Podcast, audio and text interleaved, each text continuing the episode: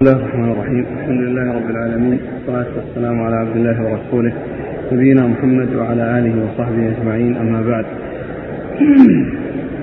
قال الإمام الحافظ أبو عيسى الترمذي رحمه الله تعالى في جامعه باب ما جاء في إكراه اليتيمة على التزويج. قال حدثنا قتيبة قال حدثنا عبد العزيز بن محمد عن محمد بن عمرو عن أبي سلمة عن أبي هريرة رضي الله عنه أنه قال قال رسول الله صلى الله عليه وآله وسلم اليتيمة تستأمر في نفسها فإن صمتت فهو ابنها وإن أبت فلا جواز عليها يعني إذا أدركت فردت. قال وفي الباب عن أبي موسى وابن عمر وعائشة رضي الله عنهم أجمعين. قال أبو عيسى حديث أبي هريرة حديث حسن. واختلف أهل العلم في تزويج اليتيمة.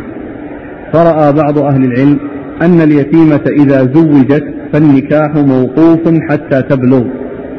فإذا بلغت فلها الخيار في إجازة النكاح أو فسخه وهو قول بعض التابعين وغيرهم. وقال بعضهم لا يجوز نكاح اليتيمة حتى تبلغ ولا يجوز الخيار في النكاح. وهو قول سفيان الثوري والشافعي وغيرهما من أهل العلم. وقال أحمد وإسحاق إذا بلغت اليتيمة تسع سنين فزوجت فرضيت فالنكاح جائز. أعد وقد اختلف. واختلف أهل العلم في تزويج اليتيمة. فرأى بعض أهل العلم أن اليتيمة إذا زوجت فالنكاح موقوف حتى تبلغ. فإذا بلغت فلها الخيار في إجازة النكاح أو فسخه وهو قول بعض التابعين وغيرهم. وقال بعضهم لا يجوز نكاح اليتيمة حتى تبلغ ولا يجوز الخيار في النكاح. وهو قول سفيان الثوري والشافعي وغيرهما من أهل العلم. وقال أحمد وإسحاق إذا بلغت اليتيمة تسع سنين فزوجت فرضيت فالنكاح جائز. ولا خيار لها إذا أدركت. واحتج بحديث عائشة رضي الله عنها أن النبي صلى الله عليه وآله وسلم بنى بها وهي بنت تسع سنين. وقد قالت عائشة إذا بلغت الجارية تسع سنين فهي امرأة. بسم الله الرحمن الرحيم. الحمد لله رب العالمين وصلى الله وسلم وبارك على عبده ورسوله نبينا محمد وعلى آله وأصحابه أجمعين. أما بعد يقول الإمام أبو عيسى الترمذي رحمه الله في جامعة باب ما جاء في إكراه اليتيمة على النكاح. أي تزويجها بغير رضاها. واليتيمة هي التي فقدت أباها ولم تبلغ لأن اليتم هو ما كان قبل البلوغ. وأما بعد البلوغ فلا يقال عنه أنه يتيم أو عن المرأة أنها يتيمة. ولكن قد يطلق اليتم على ما بعد البلوغ باعتبار ما كان باعتبار ما كان. ومن أمثلة قول الله عز وجل وآتوا اليتامى أموالهم وآتوا اليتامى أموالهم. فإن المقصود باليتامى الذين أمر الله بإتيانهم أو إيتائهم أموالهم هم الذين آه الذين بلغوا وليس الذين لم يبلغوا. وإنما قيل لهم يتامى باعتبار ما كان. ولهذا قال الله عز وجل وابتل اليتامى. حتى إذا بلغوا النكاح فإن آنستم منهم رشدا فادفعوا إليهم أموالهم. فابتل اليتامى حتى إذا بلغوا النكاح. فإن آنستم منهم رشدا فادفعوا إليهم أموالهم. فإذا تدفع الأموال لليتامى إذا بلغوا ورشدوا. وعلى هذا فاليتيمة قد يكون المراد بها من بلغت ولكنها فقدت أباها وليس لها أب ليس لها أب وإنما وليها يعني هو غير أبيها فإنها آه لا تزوج إلا بإذنها وتكون مثل البكر الذي سبق أن مر البكر تستأذن وإذنها صماتها وكذلك اليتيمة فإنها آه تستأمر فإذا سكتت فإنه يعتبر يعني سكوتها وإن امتنعت فإنه ليس لأحد سبيل إليها بمعنى أنه يكرهها ويزوجها وهي غير وهي غير راضية. وقد ورد أبو عيسى حديث آه، حديث أبي هريرة. رضي الله عنه أن النبي صلى الله عليه وسلم قال تستأمر اليتيمة تستأمر اليتيمة فإن فإن سكتت. اليتيمة تستأمر في نفسها. اليتيمة تستأمر في نفسها. يعني يطلب منها رأيها أو إبداء رأيها في من يتقدم لخطبتها. فإن سكتت فذلك إذن وإن أبت بمعنى أصفحت وتكلمت بأنها لا تريد فلا جواز لأحد عليها يعني فليس لأحد سبيل إلى أن يكرهها على الزواج وهي غير راضية. فذهب بعض أهل العلم كما قال الترمذي إلى أن اليتيمة إذا زوجت وهي لم تبلغ فإنها يكون فإن فإن الخيار لها يكون إذا بلغت. إذا بلغت يكون لها الخيار. إن أرادت أن تبقي على الزواج أو على العقد أبقت وإن أرادت أن يعني تتخلص منه تخلصت. وقال إن هذا قول لبعض التابعين. والقول الثاني هو الذي قال به الشافعي أنها يعني تزوج إذا بلغت أن تزويجها إنما يكون بعد البلوغ ولا تزوج قبل البلوغ.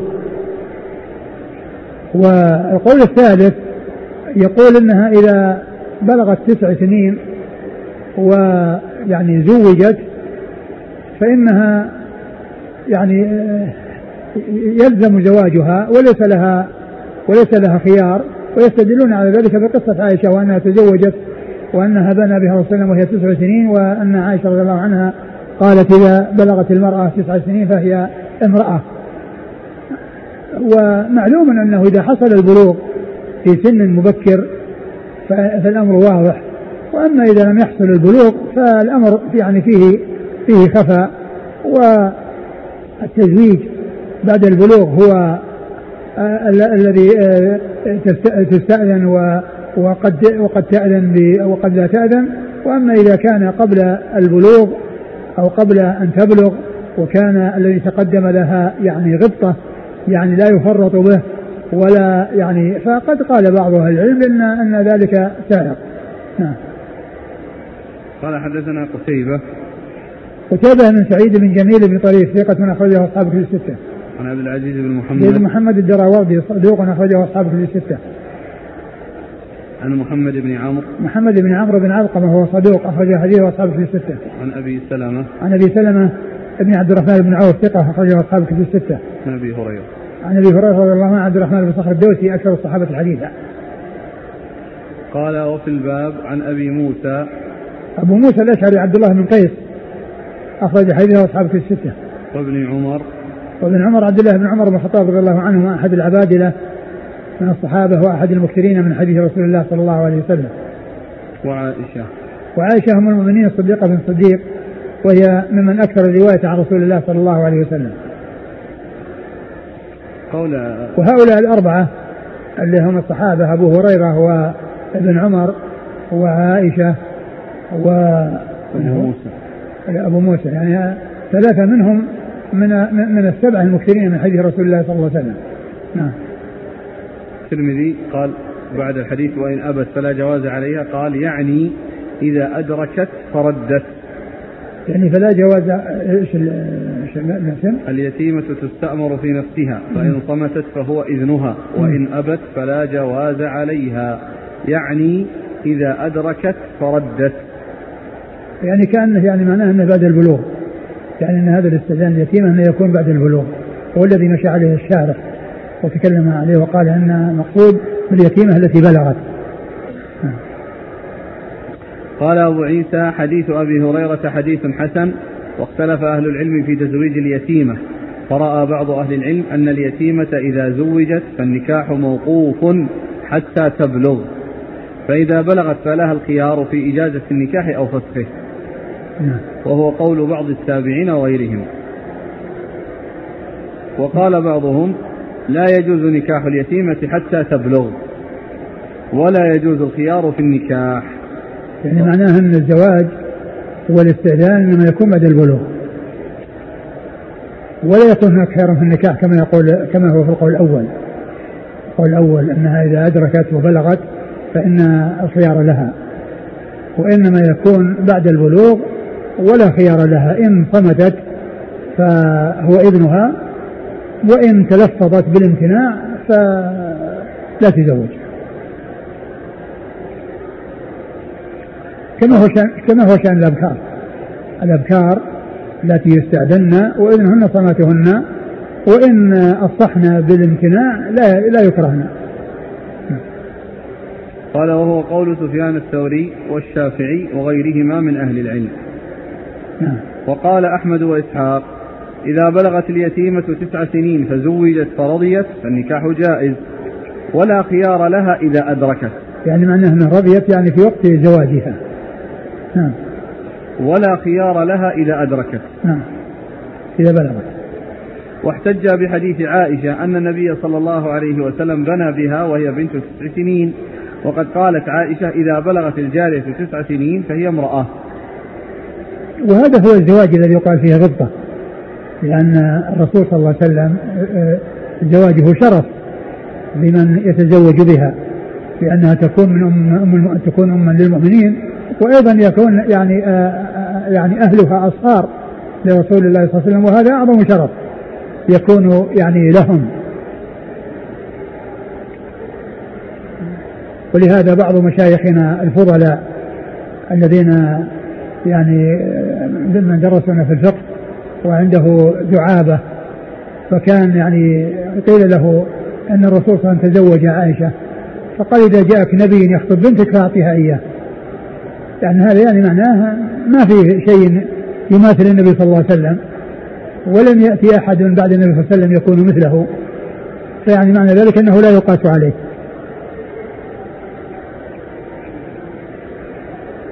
الأخ يسأل يقول أرجح هذه الأقوال وأظهرها. الذي يبدو أن أن أنه إذا كان فيه غبطة يعني يعني آه، للمرأة وأنه يعني الرجل يعني آه، آه، يترتب على حرمانها منه يعني فوات مصلحة كبيرة أن هذا إذا زوجت لا بأس بذلك. فإذا بلغت ثم بعد ذلك رفضت. زوج أبوها صغيرة غبطة ثم لما كبرت كرهت. والله إذا كانت أنها إذا حصلت الكراهية من أول الأمر حتى حتى يعني حتى لو لم تصل إلى حد البلوغ. يعني هذا الذي أخذها غبطة يعني إذا وجدها يعني غير مرتاحة وكذا ما هو رايح آه، يضر بها أو يمسكها يقول الأخ ثبت في الأثر أن عائشة إنما زوجها الله تعالى برسول الله صلى الله عليه وسلم فكيف يستدل بزواجها على جواز أن يزوج الولي كريمته من غير استئذان؟ عائشة زوجها أبوها.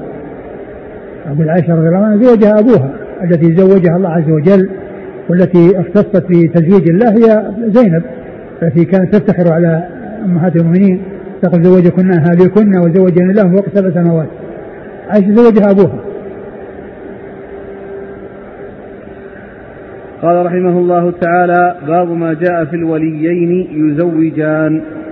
قال حدثنا قتيبة قال حدثنا غندر قال حدثنا سعيد بن أبي عروبة عن قتادة عن الحسن عن سمرة بن جندب رضي الله عنه أن رسول الله صلى الله عليه وآله وسلم قال أيما امرأة زوجها وليان فهي للأول منهما ومن باع بيعا من رجلين فهو للأول منهما. قال أبو عيسى هذا حديث حسن والعمل على هذا عند أهل العلم. لا نعلم بينهم في ذلك اختلافا. إذا زوج أحد الوليين قبل الآخر فنكاح الأول جائز ونكاح الآخر مفسوخ وإذا زوج جميعا فنكاحهما جميعا مفسوخ وهو قول الثوري وأحمد وإسحاق. ثم رد أبو عيسى باب في الوليين يزوجان. يعني يحصل منهما تزويج كل منهما حصل من تزويج. فمن ينفذ تزويجه؟ الحديث يعني يدل على أن الأول هو الذي ينفذ تزويجه وكذلك البائعان. إذا يعني باع سلعة وكان مثلا شريكين وكل واحد منهما حصل منه البيع فإنه يكون للأول منهما. وإن كان في وقت واحد ولم يتقدم أحدهما فإن كل من البيعين غير صحيح وكل من الزواجين غير صحيح فيحتاج إلى أن يعني آه، يعقد يعني أولاهما. والذي يبدو والله أعلم أن أن الذي الحديث طبعا من رواية الحسن عن ثمرة. وهو يعني آه، آه، يتوقف آه، ثبوت ما جاء عنه على التصريح بالسماع. وليس هناك تصريح بالسماع. وليس وليس هناك تصريح بالسماع منه في هذا الحديث. عن ثمرة؟ نعم. نعم ليس فيه تصريح السماء الحسن عن ثمرة. ف آه، والمصنف ذكر أن أهل العلم اتفقوا على هذا وأنه ليس بينهم اختلاف يعني في في معناه. لكن يبدو والله أعلم ان أن الوليين المزوجين هما في طبقة واحدة وفي درجة واحدة كان يكون إخوة أخ. أما لو كان يعني أب وابن عم لأن يعني كل منهما ولي. فلو زوج ابن العم وافتات على الأب فإن هذا لا لا يلتفت إليه ولا ينظر إليه ولا يقال أن أن أي أن أن الأولياء يتسابقون وأن من سبق منهم ينفذ زواجه وإنما المقصود إذا كانوا في طبقة واحدة يعني كان يكونوا إخوة وكل منهما وإن كان الأولى يعني من ناحية الاعتبار هو الكبير ولكن ينفذ لو زوج أحد الإخوة واحد من الإخوة فإنه يصح فإنه يصح تزويجه. فمثل هذا هو الذي آه، يعني ينطبق عليه آه، آه، الحديث أو ما جاء في معنى الحديث الذي لم يثبت عن رسول الله صلى الله عليه وسلم. ولكن حكى المصنف الاتفاق والذي يبدو أن هذا هو المقصود. وليس المقصود أن الاولى يتنافسون ومن سبق منهم فإنه يقدم على غيره ممن هو أولى منه. فإن الولاية متفاوتة لأن أولا الأب ثم الجد ثم الابن ثم ابن الابن ثم الأخ الشقيق ثم الأخ لأب ثم ابن الأخ الشقيق ثم ابن الأخ لأب ثم العم الشقيق ثم العم لأب ثم ابن العم الشقيق ثم ابن العم لأب. هذه الولاية على حسب الترتيب. كل هؤلاء أولياء. فلو جاء ابن عم وزوج ابنة رجل لا لا ينفذ تزويجه لأن أبوها هو المقدم وكذلك جدها هو المقدم وابنها هو المقدم وهكذا. نعم. قال حدثنا قتيبة عن غندر غندر هو محمد بن جعفر ثقة أخرجه أصحاب الكتب الستة. عن سعيد بن أبي عروبة سعيد بن أبي عروبة ثقة أخرجه أصحاب الكتب الستة. عن قتادة عن قتادة بن دعامة السدوسي البصري ثقة أخرجه أصحاب الكتب الستة. عن الحسن الحسن بن أبي الحسن البصري ثقة أخرجه أصحاب الكتب الستة. عن سمرة بن جندب رضي الله عنها أخرج حديثه أصحاب الكتب الستة. قال صلى الله عليه وسلم أيما امرأة زوجها وليان فهي للأول منهما ومن باع بيعا من رجلين فهو للأول منهما. ومن باع بيعا من رجلين يعني معناه أن أن باع على شخصين يعني هذا ليس في في تعدد البائعين وإنما تعدد المشترين. كرجل باع سل باع يعني آه، على شخصين فالبيع يكون الأول منهما وليس الثاني. من يعني معناها الآن صار من باع بيعا من رجلين. يعني على رجلين. فهي للأول منهما. إيه، المشترك. قال أبو عيسى هذا حديث حسن والعمل على هذا عند أهل العلم. لا نعلم بينهم في ذلك اختلافا. إذا زوج أحد الوليين قبل الآخر فنكاح الأول جائز ونكاح الآخر مفتوح. وإذا زوجا جميعا فنكاحهما جميعا مفسوق نعم. وهو قول الثوري وأحمد وإسحاق. توجيه الآخر بالفسق يعني كأنه يعني ما في تقدم وتأخر ما في تقدم يعني لا يمكن أن يعني ينفذ جميعا لا يمكن أن ينفذ جميعا لأن كل واحد مزوج لواحد. يعني كل واحد مزوج لما لا تستحمل القرعة في حل هذا الإشكال؟ والله ما يعني المصنف يعني كان يحكي الاتفاق على هذا. قال رحمه الله تعالى باب ما جاء في نكاح العبد بغير إذن سيده. قال حدثنا علي بن حجر قال أخبرنا الوليد بن مسلم عن زهير بن محمد عن عبد الله بن محمد بن عقيل عن جابر بن عبد الله رضي الله عنهما عن النبي صلى الله عليه وآله وسلم أنه قال أيما عبد تزوج بغير إذن سيده فهو عاهر. قال وفي الباب عن ابن عمر رضي الله عنهما. قال أبو عيسى حديث جابر حديث حسن وروى بعضهم هذا الحديث عن عبد الله بن محمد بن عقيل عن ابن عمر عن النبي صلى الله عليه وآله وسلم ولا يصح والصحيح عن عبد الله بن محمد بن عقيل عن جابر والعمل على هذا عند أهل العلم من أصحاب النبي صلى الله عليه وآله وسلم وغيرهم أن نكاح العبد بغير إذن سيده لا يجوز وهو قول أحمد وإسحاق وغيرهما بلا اختلاف. قال حدثنا سعيد بن يحيى بن سعيد الأموي. قال حدثنا أبي.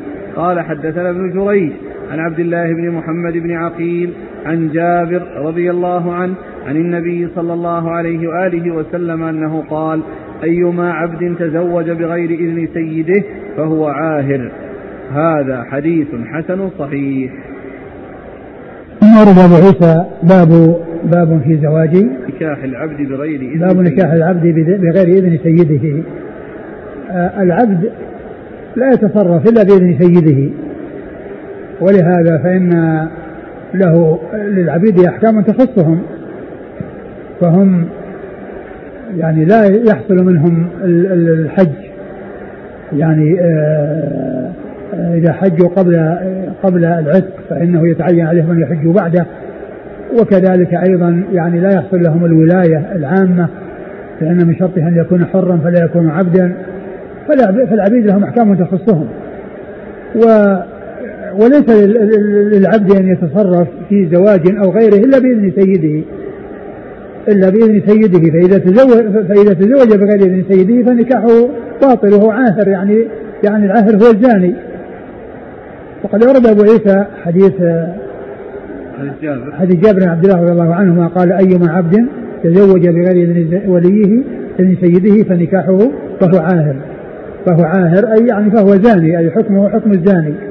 يعني معناه أن أن هذا العمل لا يجوز ولا يسوق ولا ينفذ هذا الزواج. ولا ينفذ هذا الزواج لأن زواج العبد إنما يكون بإذن سيده وبموافقة سيده وبإمهار سيده. لأن العبد ليس له مال وليس يعني له ما يدفع به المهر وإنما سيده هو الذي يزوجه ويدفع المهر عنه. نعم. قال حدثنا علي بن حجر. علي بن حجر ثقة أخرجه البخاري ومسلم والترمذي والنسائي. عن الوليد بن مسلم. الوليد بن مسلم ثقة أخرجه أصحابه في الستة. عن زهير بن محمد. زهير بن محمد ثقة. أخرجه أصحاب كتب الستة. عن عبد الله بن محمد بن عقيل. عبد الله بن محمد بن عقيل وهو صدوق أخرج له. البخاري في المفرد وأبو داود والترمذي وابن ماجه. البخاري في المفرد وأبو داود والترمذي وابن ماجه. عن جابر. عن جابر بن عبد الله الأنصاري رضي الله عنهما واحد السبع المكثرين من حديث رسول الله صلى الله عليه وسلم. قال وفي الباب عن ابن عمر. ابن عمر عبد الله بن عمر رضي الله عنهما مر ذكره. قال أبو عيسى حديث جابر حديث حسن وروى بعضهم هذا الحديث عن عبد الله بن محمد بن عقيل عن ابن عمر عن النبي صلى الله عليه وسلم ولا يصح والصحيح عن عبد الله بن محمد بن عقيل عن جابر نعم. قال والعمل على هذا عند أهل العلم من أصحاب النبي صلى الله عليه وسلم وغيرهم أن نكاح العبد بغير إذن سيده لا يجوز وهو قول أحمد وإسحاق وغيرهما بلا اختلاف نعم. قال حدثنا سعيد بن يحيى بن سعيد الأموي. سعيد بن يحيى بن سعيد الأموي هو ثقة ربما أخطأ أخرج أصحاب الكتب إلا ابن ماجه. ثقة ربما أخطأ أخرج أصحاب الكتب إلا ابن ماجه. عن أبي يحيى بن سعيد الأموي وهو ثقة. أخرج نعم. صديق صدوق يغرب. صدوق يغرب أخرج له أصحاب الكتب. أصحاب الكتب الستة. عن ابن جريج. عن ابن جريج عبد الملك بن عزيز بن جريج المكي وهو ثقة. أخرجه أصحاب الكتب الستة. عبد الله بن محمد بن عقيل عن جابر. عن جابر مثل هذا. و والإسناد لا فرق بينهما من حيث في في بالنسبة لمحمد بن عبد الله بن محمد بن عقيل. ويعني التفريق بينهما بأن هذا حسن وهذا حسن صحيح. يعني ما يبدو أن هناك فرق بين الإسنادين. يعني يقتضي التفريق بين صيغتي صيغة التعديل. أو صيغه الحكم على الحديث بالحسن أو الصحه أو الحسن والصحة لأن عبد الله بن محمد العقيل في الاسنادين في هذا وفي هذا. نعم.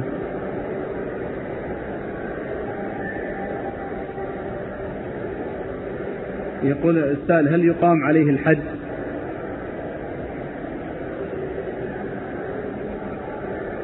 ما أدري لكن إذا كان إنها هذا شبهة أو كذا يعني يعني, يعني إذا كان يكون زاهر إنه عاهر يعني معناه إنه زاني أو إنه يعني في حكم الزاني أو كذا يعني يعني قد يكون هذا شبهة يعني آه، تمنع من إقامة الحد.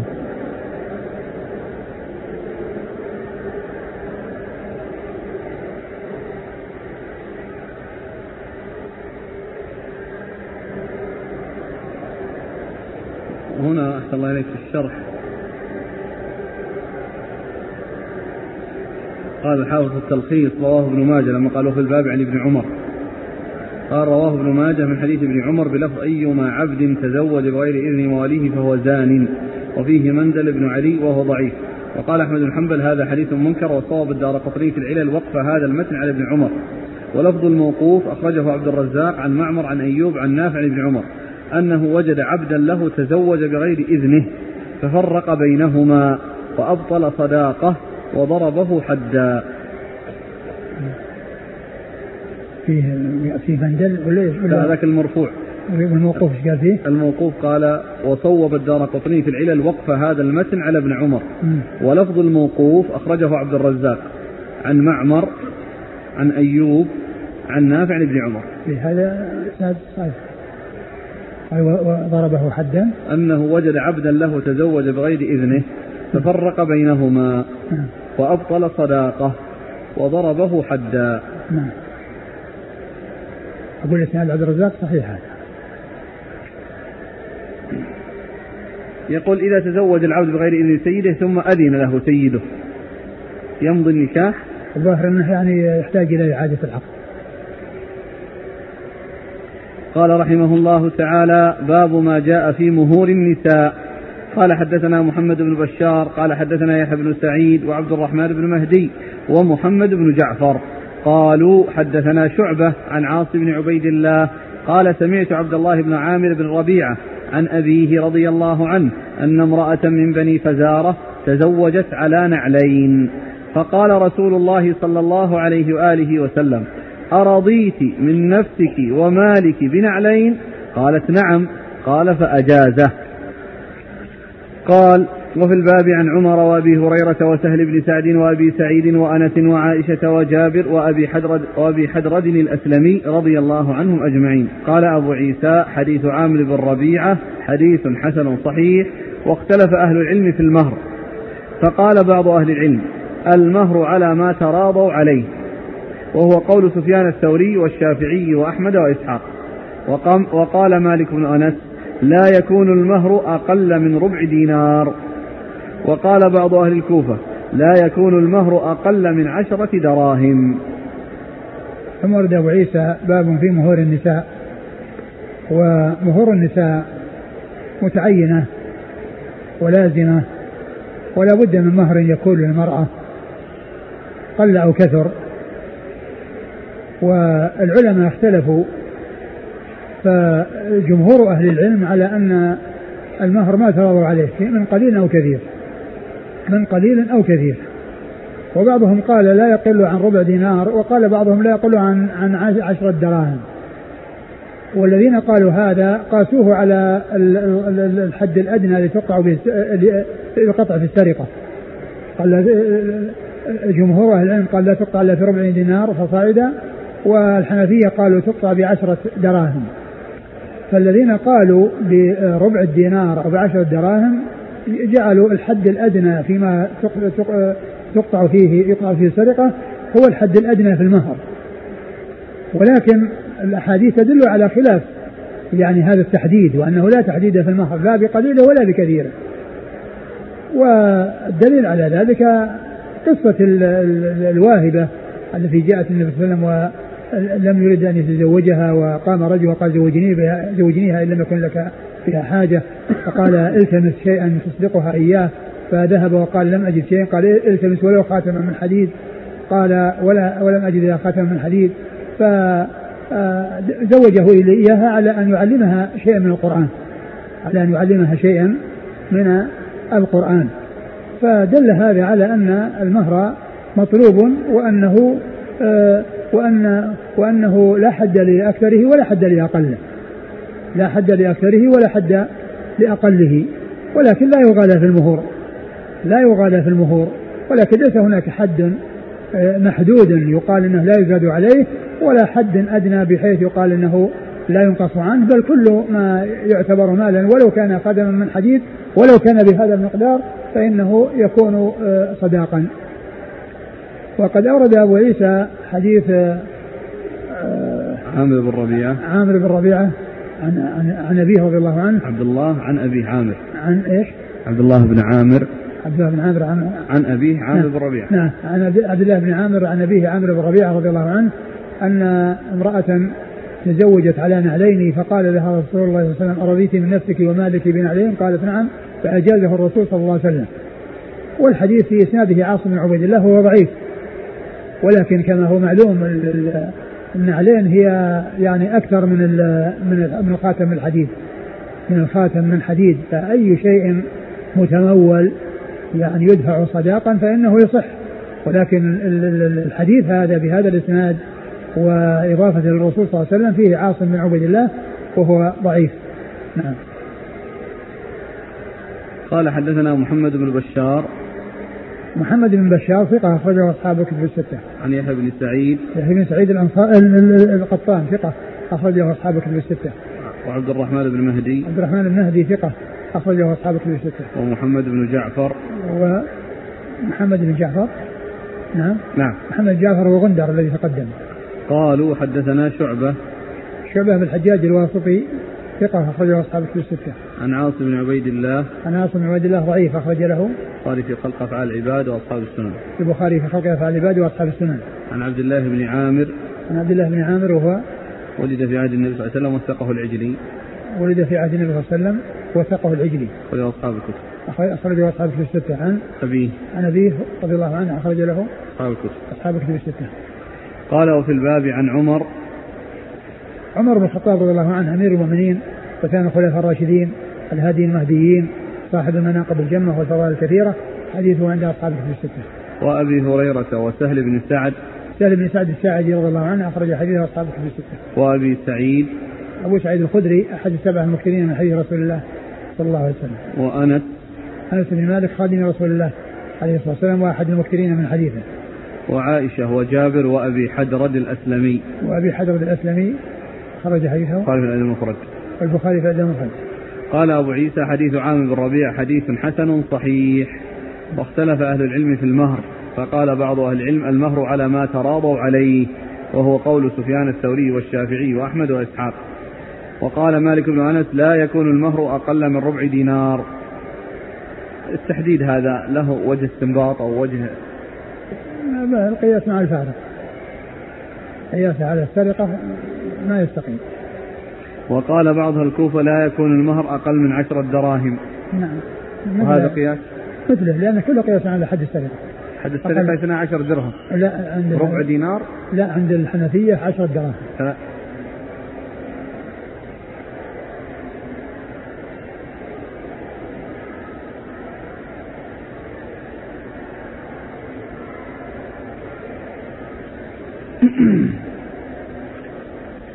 قال رحمه الله تعالى باب منه. قال حدثنا الحسن بن علي الخلال قال حدثنا إسحاق بن عيسى وعبد الله بن نافع الصائغ. قال أخبرنا مالك بن أنس عن أبي حازم بن دينار عن سال بن سعد الساعدي رضي الله عنهما أن رسول الله صلى الله عليه وعلى آله وسلم جاءته امرأة فقالت إني وهبت نفسي لك. فقامت طويلا. فقال رجل يا رسول الله فزوجنيها إن لم تكن لك بها حاجة. فقال هل عندك من شيء تصدقها؟ فقال ما عندي إلا إزاري هذا. فقال رسول الله صلى الله عليه وآله وسلم إزارك إن أعطيتها جلست ولا إزار لك. فالتمس شيئا. قال ما أجد. قال فالتمس ولو خاتما من حديد. قال فالتمس فلم يجد شيئا. فقال رسول الله صلى الله عليه وآله وسلم هل معك من القرآن شيء؟ قال نعم سورة كذا وسورة كذا لسور سماها. فقال رسول الله صلى الله عليه وآله وسلم زوجتكها بما معك من القرآن. قال أبو عيسى هذا حديث حسن صحيح وقد ذهب الشافعي إلى هذا الحديث فقال إن لم يكن له شيء يصدقها فنزوجها على سورة من القرآن. فالنكاح جائز أو فتزوجها. اللي بنتها ولا نون إيش العبارة؟ فتزوجها على سورة من القرآن فالنكاح جائز ويعلمها سورة من القرآن. وقال بعض أهل العلم النكاح جائز ويجعل لها صداق مثلها وهو قول أهل الكوفة وأحمد وإسحاق. ثم ورد أبو عيسى حديث سالم بن سعد الساعدي رضي الله عنه أن امرأة جاءت إلى النبي صلى الله عليه وسلم وهبت نفسها له والنبي صلى الله عليه وسلم سكت ولم يجبها بشيء. فأحد الحاضرين قال يا رسول الله إن لم يكن لك حاجة بها لك بها حاجة فزوجنيها. قال هل عندك شيء تمهرها إياه؟ قال إزاري. قال إزارك إن آه، إن أعطيتها إياه لم يقال لك الإزار. وإن بقي معك فإنه لا فائدة لها منه. يعني معناه أنها ما حصلت شيئا ما دام أنك أنت المستفيد منه. قال التمس شيئا فقال لا أجد. قال التمس ولو خاتما من حديد فلم يجد. وهذا يدل على ما كان عليه الصحابة رضي الله عنهم من, من قلة ذات اليد. وهذا الرجل ما يجد شيئا إلا إزارة. وحتى خاتم من حديد لم يجده. فالرسول صلى الله عليه وسلم قال هل معك شيء من القرآن؟ قال معي سورة كذا وكذا. يسمي هذه السور فقال زوجتك بما معك من القرآن يعني أنه يعلمها. يعني هذه يعني يعني هذه السور التي سماها يعني معناها أنه يعلمها. ويكون بذلك ويكون يعني هذه مصلحة حصلتها. وأيضا هو يعني جلس للتعليم وحصل منه يعني آه، آه، آه، اشتغال بالتعليم. وحصل وحصل منه بذل جهد في التعليم فيكون ذلك من هذا القبيل فيكون ذلك هو, هو في مقابل المهر. وهذا نظير ما جاء في قصة موسى عليه الصلاة والسلام الذي يعني كان الصداق أنه يعمل يعني ثمانية حجج أو عشر حجج يعني يعمل ثمان سنين يعني عنده أو أو له. ف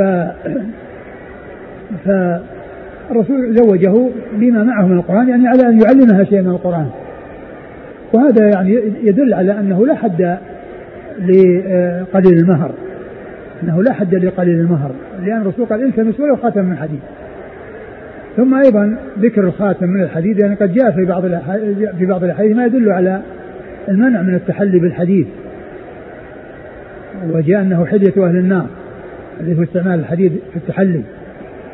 فيكون الذي جاء في هذا الحديث إما أن يكون يعني قبل أن يحصل النهي عن التحلي بالحديد أو أن المقصود يعني ليس اللبس وإنما هو للتملك. نعم. قال حدثنا الحسن بن علي الخلال. الحسن بن علي الخلال الحلواني ثقة أخرجه أصحاب كتب الستة إلا النسائي. عن إسحاق بن عيسى. إسحاق بن عيسى هو صدوق له مسلم والترمذي والنسائي بن ماجه صدوق أخرجه مسلم والترمذي والنسائي والنسائي بن ماجه وعبد الله بن نافع الصائغ وعبد الله بن نافع الصائغ ثقة في حفظه لين أخرجه البخاري في المفرد ومسلم وأصحاب السنن. ثقة أخرجه البخاري في المفرد ومسلم وأصحاب السنن. عن مالك بن أنس. مالك بن أنس إمام دار الهجرة المحدث الفقيه أحد أصحاب المذاهب الأربعة المشهورة من مذاهب السنة وحديثه أخرجه أصحاب الكتب الستة. عن أبي حازم بن دينار. عن أبي حازم وهو سلمة بن دينار ثقة أخرج له أصحاب الكتب. أصحاب الكتب الستة. عن سهل بن سعد الساعدي. عن سهل بن سعد الساعدي رضي الله عنه أخرج حديثه أصحاب الكتب الستة. أن رسول الله صلى الله عليه وسلم جاءته امرأة مبهمة نعم معروضة نعم فقالت إني وهبت نفسي لك يعني وهبت نفسها له ومعلوم أن أنه جاء في القرآن أن هذا خاص به صلى الله عليه وسلم يقولون في الزواج العرفي تجي المرأة تقول لزوجها وهبت نفسي لك. يذهبون لمأذون أو إمام مسجد ويعقد له. لا يعني إذا كان يعني المقصود أنها يعني عرضت نفسها عليه ووافق على الزواج منها وبعدين حصل يعني آه مهر ولكن ما هو يذهبون لمأذون وهي ولية نفسها فالمرأة لا تكون ولية لنفسها وإنما وليها وإنما لا بد لها من ولي كما سبق أن نرى في الأحاديث لا نكاح إلا بولي. فإذا عرض نفسها على إنسان ووافق عليها هذا ما هو بهبة. يعني معناه أنه بس قبل الهبة وانتهى وإنما هذا يحتاج إلى مهر يحتاج إلى إلى إلى, إلى عقد وإلى شهود وإلى يعني آه، ولي.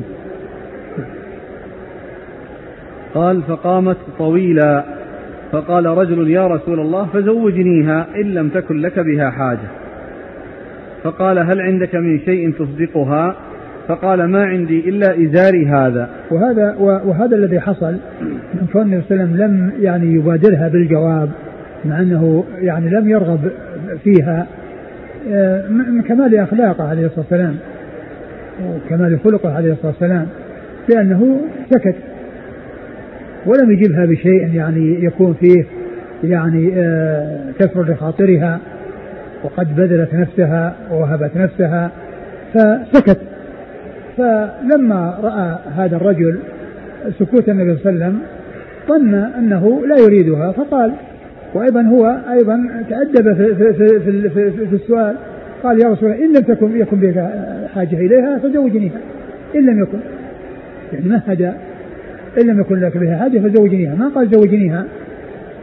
وإنما مهد لذلك بقوله إن لم يكن لك حاجة. وكأنه فهم من سكوته صلى الله عليه وسلم أنه لا يريد ذلك ولكنه لم يرد أن يقابلها بالكلام الذي آه، فيه آه، الامتناع وقد يؤثر ذلك عليها. وهذا من كمال أخلاقه عليه الصلاة والسلام. هل قال هل عندك من شيء تصدقها؟ قال فقال ما عندي إلا إزاري هذا. فقال رسول الله صلى الله عليه وسلم إزارك إن أعطيتها جلست ولا إزار لك. فالتمس شيئا. قال ما أجد. قال فالتمس ولو خاتما من حديد. قال يعني ولو, ولو هذه للتقليل يعني. يعني هذا من الأمثلة التي يحذف فيها يعني كان واسمها. يحذف فيها كان واسمها. التمس ولو كان الملتمس خاتما من حديد. التمس ولو كان الملتمس خاتما من حديد فحذفت كان واسمها وبقي خبرها.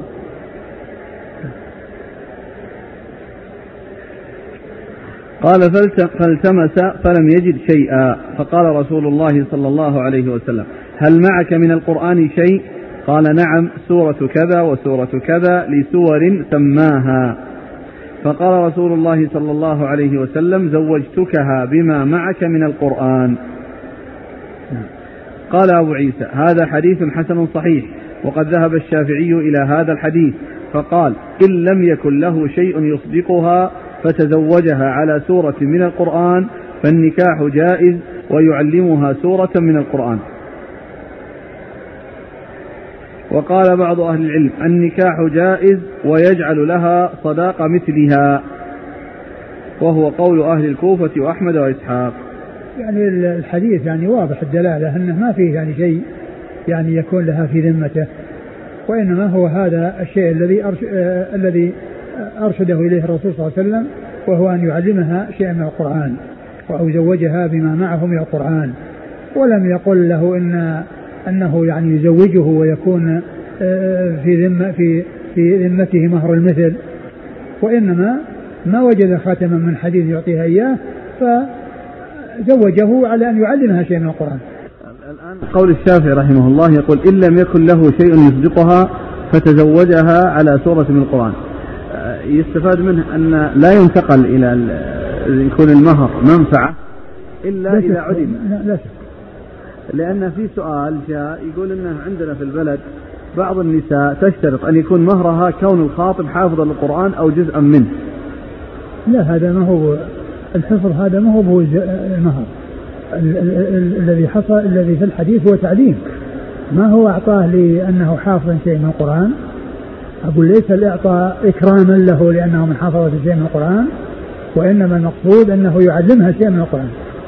هذا يقول حكم المهر بتلاوة القرآن كالفاتحة فقط مع؟ قدرته على الدفع لكن المرأة رضيت بذلك وأرادت ذلك.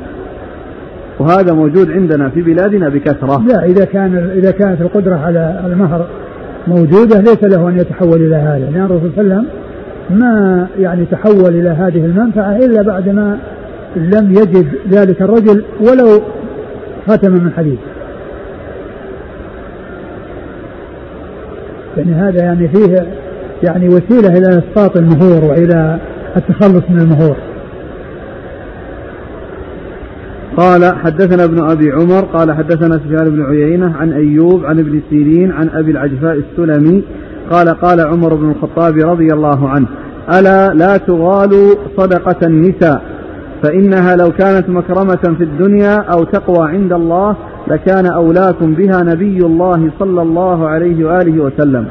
ما علمت رسول الله صلى الله عليه وآله وسلم نكح شيئا من نسائه ولا أنكح شيئا من بناته على أكثر من ثنتي عشر حجرة أوقية. قال أبو عيسى هذا حديث حسن صحيح وأبو العجفاء السلمي اسمه هرم. والأوقية عند أهل العلم أربعون درهما وثنتا عشر أوقية أربعمائة وثمانون درهما. ثم ورد أبو عيسى حديث عمر رضي الله عنه. تقريبا. أنه قال لا تغالوا في مهور النساء. يعني لا تكثروا أو يعني تطلبوا أو آه، آه، تمتنع من التزويج إلا بحصول مهور عالية مرتفعة غالية فإن هذا يكون سببا في العزوف عن تلك المخطوبة ويؤول الأمر إلى أن آه، يفوتها الزواج وتبقى بدون زوج إذا تقدمت بها السن وقد رد الخطاب عنها انتظارا لمن يأتي بالمال الكثير فإن هذا فيه مضرة كبيرة على النساء والمبادرة إلى التزويج من الأكفاء إذا تقدموا. ولو كان الذي معهم يعني شيء يسير لأن ما عندهم من الدين وما عندهم من الخلق الكريم هو المهم وهو المطلوب. ولو ولو جاء أحد عنده مال كثير ولكن دينه ضعيف وأخلاقه يعني آه ليست طيبة فإن الضرر الذي سيحصل يعني منه بسبب عدم الدين وبسبب حسن الخلق لا يعني آه لا, لا, لا, لا يحد ولا يحصر فإذا المغالاة في المهور آه لا يغالى في المهور كما جاء عن عمر وقد أخبر أن أن المغالاة في المهور أو كثرة المهور لو كانت أنها مكرمة وأنها كذا لكان آه، آه، الرسول صلى الله عليه وسلم لكان بنات الرسول وزوجات الرسول آه، هن الأولى بذلك لكن لما كان الرسول ما زوج أعطى نساءه ولا أخذ لبناته أكثر من من 480 درهما التي هي 12 أوقية. فدل هذا على أن المغالاة غير سائغة وأنه لا يجوز للإنسان أن يمنع يرد الأكفاء بسبب عدم كثرة المهر بل المهم هو الدين والخلق. نعم. قال حدثنا ابن أبي عمر. ابن أبي عمر العدني محمد بن يحيى صدوق أخرج له مسلم. وأبو داود والترمذي. مسلم والترمذي. أبو داود والترمذي والنسائي مسلم والترمذي والنسائي وابن ماجه. عن سفيان بن عيينة. سفيان بن عيينة المكي ثقة أخرجه أصحاب الكتب الستة. عن أيوب. أيوب بن أبي تميم السختياني ثقة أخرجه أصحاب الكتب الستة. عن ابن سيرين. عن ابن سيرين محمد بن سيرين ثقة أخرجه أصحاب الكتب الستة. عن أبي العجفاء السلمي. أبي العجفاء السلمي وهو هرم وقال عنه الحافظ في التقريب مقبول أخرج له. أصحاب السنن. أصحاب السنن لكن وثقه الدار قطني وثقه يحيى بن معين ويعني ف يعني الشيخ ناصر رحمه الله قال إن يعني يقول الحافظ في التقريب مقبول إن هذا يعني فيه يعني آه، إنه إنه أكثر من ذلك وأعلى من ذلك. نعم. عن عمر. عن عمر الخطاب رضي الله عنه وقد مر. قال أبو عيسى هذا حديث حسن صحيح. هذا هو الذي قال في النسائي عن عمر وفي الباب عن عمر. نعم. قال وابو العجفاء السلمي اسمه هرم والأوقية عند أهل العلم أربعون درهما وثنتا عشر أوقية وثنتا عشرة أوقية أربعمائة وثمانون درهما. يقول ما صحة قصة المرأة التي جادت أو جاءت عمر بعد كلامي هذا؟ كان في بعض الروايات واستدلت بالآية أتيت إحداهن هو ذكر هو ذكر الشارح الشارح ذكر أنها فيها أنها يعني فيها ذكر فيها كلاما.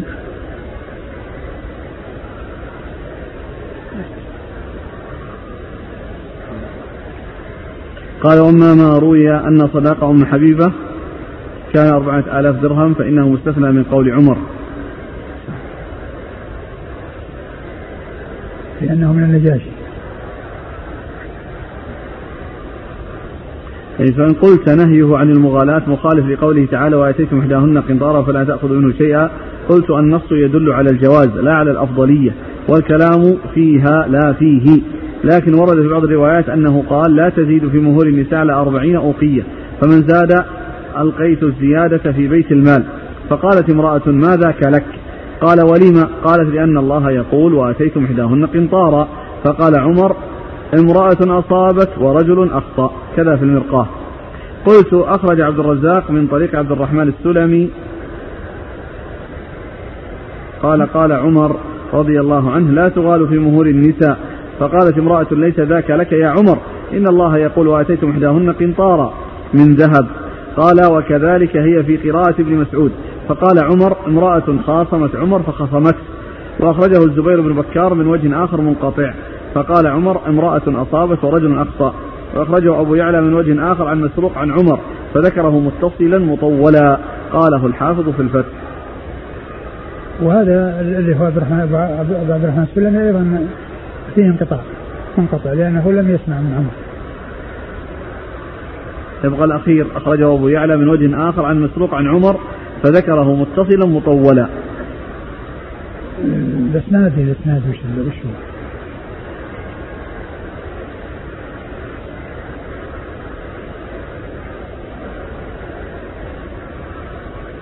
قال رحمه الله تعالى باب ما جاء في الرجل يعتق الأمة ثم يتزوجها. قال حدثنا قتيبة قال حدثنا أبو عوانة عن قتادة وعبد العزيز بن صهيب عن أنس بن مالك رضي الله عنه أن رسول الله صلى الله عليه وسلم أعتق صفية رضي الله عنها وجعل عتقها صداقها. قال وفي الباب عن صفية رضي الله عنها. قال أبو عيسى حديث أنس حديث حسن صحيح والعمل على هذا عند بعض أهل العلم من أصحاب النبي صلى الله عليه وسلم وغيرهم وهو قول الشافعي وأحمد وإسحاق وكره بعض أهل العلم أن يجعل عتقها صداقها حتى يجعل لها مهرا سوى العتق والقول الأول أصح. ثم أبو عيسى حديث هذه ترجم باب آه، الرجل يعتق الأمة؟ باب الرجل يعتق الأمرة ويجعل عتقها صداقها. ويجعل عتقها صداقها. آه، المقصود من ذلك أن الإنسان إذا كان له أمة وأراد أن ينعم عليها بالعتق ولا شك أن هذه نعمة تنتقل بها من العبودية إلى الحرية ويجعل هذه النعمة هي هي الصداق. يعني هذه المنفعة التي هي خروجها من العبودية إلى الرق إلى الحرية هي صداقها هي صداقها أي أن أي, أي, أي هذه المنفعة التي حصلت لها وهي كونها عتقت يكون هو الصداق لأنه منفعة عظيمة كبيرة في حقها. وقد جاءت في ذلك السنة عن رسول الله صلى الله عليه وسلم في زواجه صلى الله عليه وسلم من صفية فإنه أعتقها وجعل عتقها صداقها.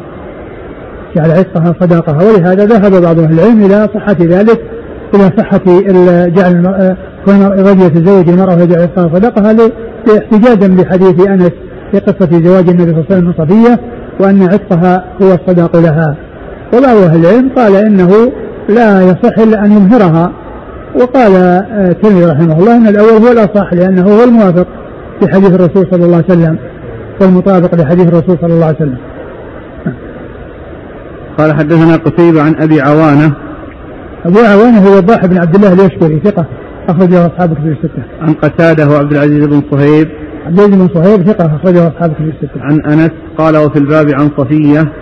أنس رضي الله عنه خادم مر مر ذكره هو صفية هم المؤمنين أخرج حديث أصحاب كتب الستة.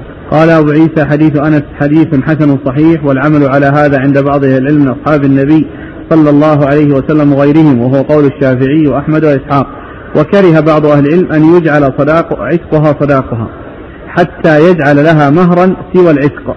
والقول الأول أصح. وش الإسناد؟ ها؟ الإسناد؟ قتيبة عن أبي عوانة عن قتادة وعبد العزيز. عن أنس. هذا رباعي أيضا.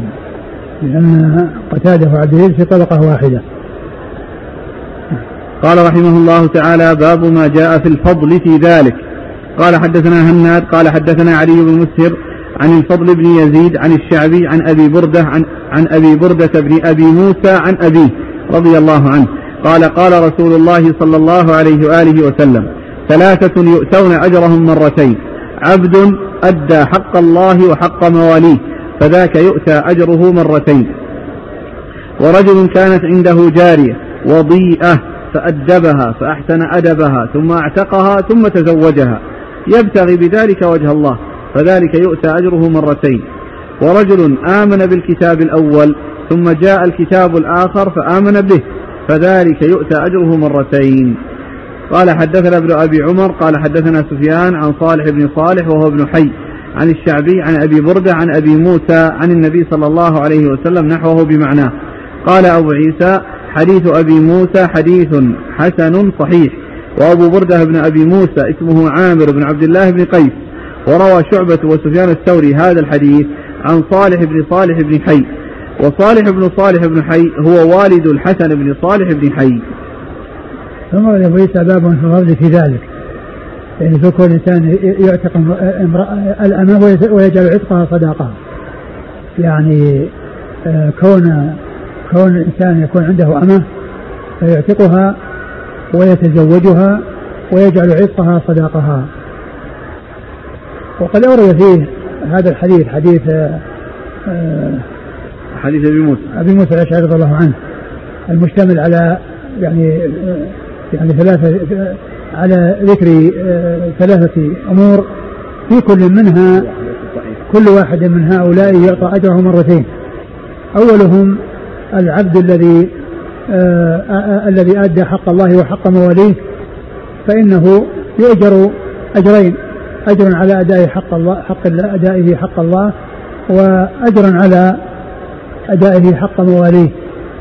ورجل كانت عنده أمة وضيئة يعني جميلة أدبها فأحسن تأديبها وأعتقها وجعل عتقها صداقها وهذا هو محل الشاهد في الترجمة في قوله الفضل في ذلك. وذلك أنه يؤتى أجره مرتين يعني من أجل أنه أدبها وأعتقها وتزوجها وتزوجها لأن لأنه إذا أعتقها قد يعني لا يحصل لها آه، زوج يناسبها مثل سيدها لا سيما إذا كانت مرتاحة عند سيدها فإن كونه يحسن إليها بالعتق ويحسن إليها أيضا بأن آه، يحسنها وأن يعفها بأن تبقى في عصمته وتكون زوجة لها حق القسم بدل ما كانت أمة لا قسم لها. فيكون بذلك أحسن إليها. نعم والثالث؟ آمن بالكتاب الأول ثم آمن بالكتاب الآخر. والثالث رجل آمن بالكتاب الأول أي أنه كان متبعا لشريعة سابقة حتى إذا جاءت الشريعة الناسخة آمن بها فيكون مأجورا أجرين على كونه متبعا للكتاب الأول ثم لما جاء الكتاب الناسخ الآخر اتبعه وهذا مثل بعض يعني أهل الكتاب الذين كانوا يعني آه على علم بما في دينهم ثم لما جاء النبي صلى الله عليه وسلم آمنوا به فيكونون بذلك متبعين للكتاب الأول ثم بعد ذلك انتقلوا إلى الكتاب الثاني الناسخ هذا مثل عبد الله بن سلام. رضي الله تعالى عنه وأمثاله الذين يعلمون ما في الكتاب الكتب السابقة. والله تعالى يقول ويقول الذين كفروا لست مرسلا قل كفى بالله شهيدا بيني وبينكم ومن عنده علم الكتاب. كان المقصود من عنده علم الكتاب مثل عبد الله بن سلام وأمثاله من الذين يعرفون ما في الكتب السابقة من البشارة بالنبي صلى الله عليه وسلم وقد جاء والذي آه، آه، يعني آه، قد اشتملت التوراة والإنجيل على صفات الرسول صلى الله عليه وسلم وأنه أنه يأمر بالطيبات ويحرم الخبائث وما هي ذلك مما جاء ذكره صلى الله عليه وسلم في الكتب السابقة. بل أن أصحابه الكرام رضي الله عنهم وأرضاهم كانوا في الكتب السابقة أيضا كما جاء في سورة الفتح في آخرها في مثلهم التوراة والإنجيل. فالمقصود من ذلك أن بعض أهل الكتاب الذين كانوا على علم بالكتاب السابق وكانوا يدينون بالكتاب بالحق الذي آه، ورثوه من نبيهم الذي كانوا تابعين له. ثم لما جاء نبينا محمد صلى الله عليه وسلم آمنوا به واتبعوه فيكونون مأجورين مأجورين مرتين. قال حدثنا هناد. هناد بن السري أبو السري ثقة أخرجه البخاري في أفعال باب مسلم وأصحاب السنة. عن علي بن مسهر عن علي بن مسهر ثقة أخرجه أصحاب في الستة. عن الفضل بن يزيد الفضل بن يزيد هو صدوق أخرجه الترمذي صدوق أخرجه الترمذي. عن الشعبي عن الشعبي عامر بن شراحيل الشعبي ثقة فقيه أخرجه أصحاب في الستة. عن أبي بردة عن أبيه. عن أبي بردة بن أبي موسى ثقة أخرجه أصحاب في الستة عن أبيه عبد الله بن قيس أخرجه أصحاب في الستة. قال حدثنا ابن أبي عمر عن سفيان عن صالح بن صالح هو ابن حي صالح بن صالح بن حي هو ثقة أخرج أصحاب الكتب ثقة أخرج أصحاب الكتب عن الشعبي عن أبي بردة عن أبي موسى. نعم. قال أبو عيسى حديث أبي موسى حديث حسن صحيح وأبو بردة بن أبي موسى اسمه عامر بن عبد الله بن قيس. وروى شعبة وسفيان الثوري هذا الحديث عن صالح بن صالح بن حي وصالح بن صالح بن حي هو والد الحسن بن صالح بن حي. نعم. قال رحمه الله تعالى ها؟ حسن بن صالح. الابن؟ إيه. من خرج له. أقول هو جاء تبعا. ما جاء في الإسناد.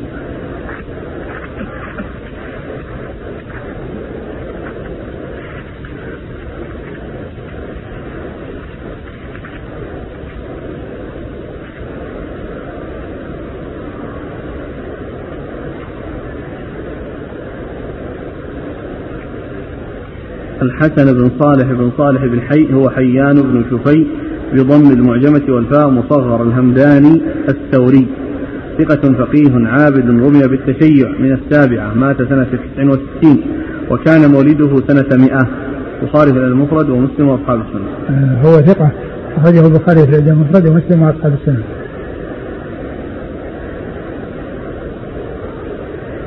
شيء.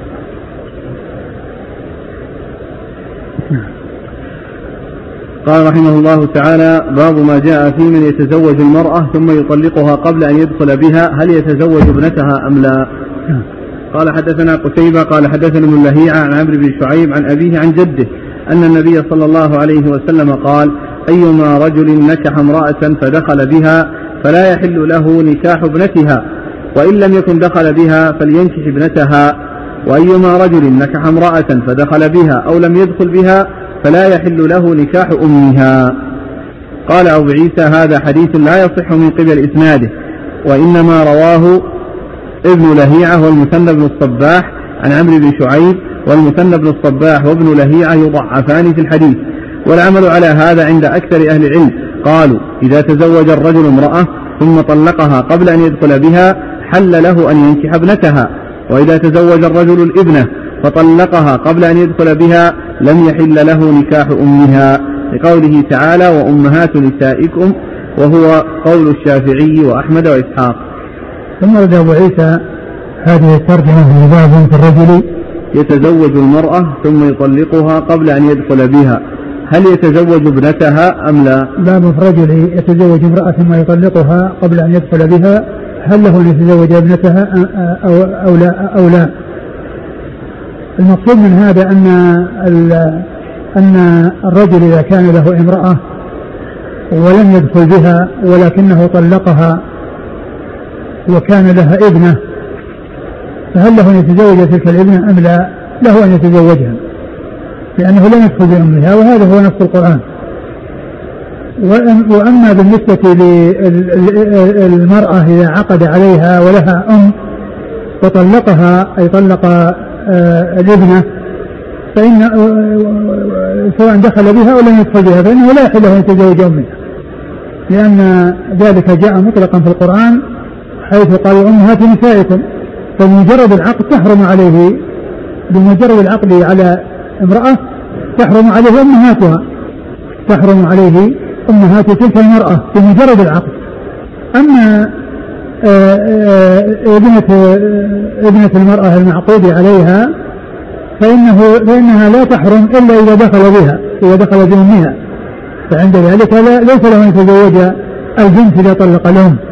أما إذا كان مجرد عقد على الأم ثم طلق الأم قبل الدخول بها فإنه يجوز له أن يتزوج تلك الابنة.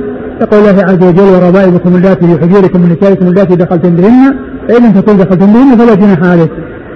والنسائي رحمه الله قال لا يصح هذا الحديث من جهة سنده وأما المعنى يعني فإنه ثابت في القرآن. يعني معناه متنه هو مطابق لما جاء في القرآن. ولكنه لا يصح من جهة السند.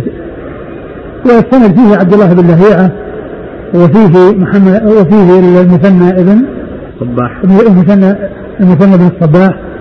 و و و وهما متكلم فيهما. وعبد الله بن لهيعة يروي عنه قتيبة. وهو من روى من روى عنه قبل الاختلاط. لكن قالوا إنه لم يسمع من عمرو بن شعيب يعني فيكون هناك يعني آه، علة هي الانقطاع. نعم.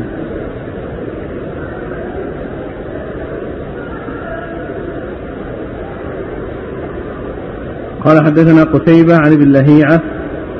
ابن لهيعة عبد الله بن لهيعة المصري ثقة صديق اختلط لما اختلطت كتبه ومن روى عنه قبل الاختلاط فيعني روايته صحيحة. أخرجه مسلم وأبو داود والترمذي وابن ماجه. أخرجه مسلم وأبو داود والترمذي وابن ماجه. عن عمرو بن شعيب. عمرو بن شعيب وهو صدوق أخرج حديثه البخاري في جزء القراءة و أصحاب السنن. وأصحاب السنن. عن أبيه.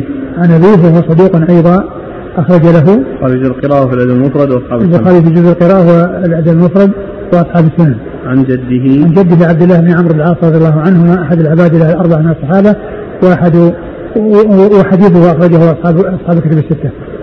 قال أبو عيسى هذا حديث لا يصح من قبل إسناده وإنما رواه ابن لهيعة والمثنى بن الصباح. المثنى نعم. ضعيف وله أبو داود الترمذي بن ماجه. المثنى الصباح ضعيف أخرج له. أبو داود الترمذي بن ماجه. أبو داود الترمذي بن ماجه. عن عمرو بن شعيب والمثنى بن الصباح وابن لهيعة يضعفان في الحديث والعمل على هذا عند أكثر أهل العلم. قالوا إذا تزوج الرجل امرأة ثم طلقها قبل أن يدخل بها حل له أن ينكح ابنتها. وإذا تزوج الرجل الابنة فطلقها قبل أن يدخل بها لم يحل له نكاح نكاح أمها. لقوله تعالى وأمهات نسائكم وهو قول الشافعي وأحمد وإسحاق. هل يعني ذلك هل له شيء من الحكم؟ شيء يعني معلوم أو ما ما لا يظهر يعني التفريق بين بين الأم وبين البنت يعني هذه آه الأم تحرم بمجرد الدخول بمجرد العقد على البنت والأم والبنت لا تحرم إلا بالدخول بالأم. ما ما, ما أدري. الله أعلم. انتهى الباب. الله أعلم وصلى الله وسلم وبارك على عبده ورسوله نبينا محمد وعلى آله وصحبه أجمعين. هذه فائدة يقول للسيوطي رسالة مطبوعة بعنوان مطلع البحرين في من يؤتى أجره مرتين. جمع فيها ما ورد في الكتاب والسنة. في من يؤتى أجره؟ في من يؤتى أجره مرتين. نعم. جمع فيها ما ورد في الكتاب والسنة من هذا الباب وضمنها منظومة له في من يؤتون أجرهم مرتين. اسمها مجمع البحرين؟ أي نعم. في من يؤتى أجره مرتين. يعني هؤلاء الثلاثة اللي معنا منهم أي نعم جزاكم الله خيرا وبارك الله فيكم ونفعنا الله بما قلتم وغفر الله لنا ولكم المسلمين أجمعين.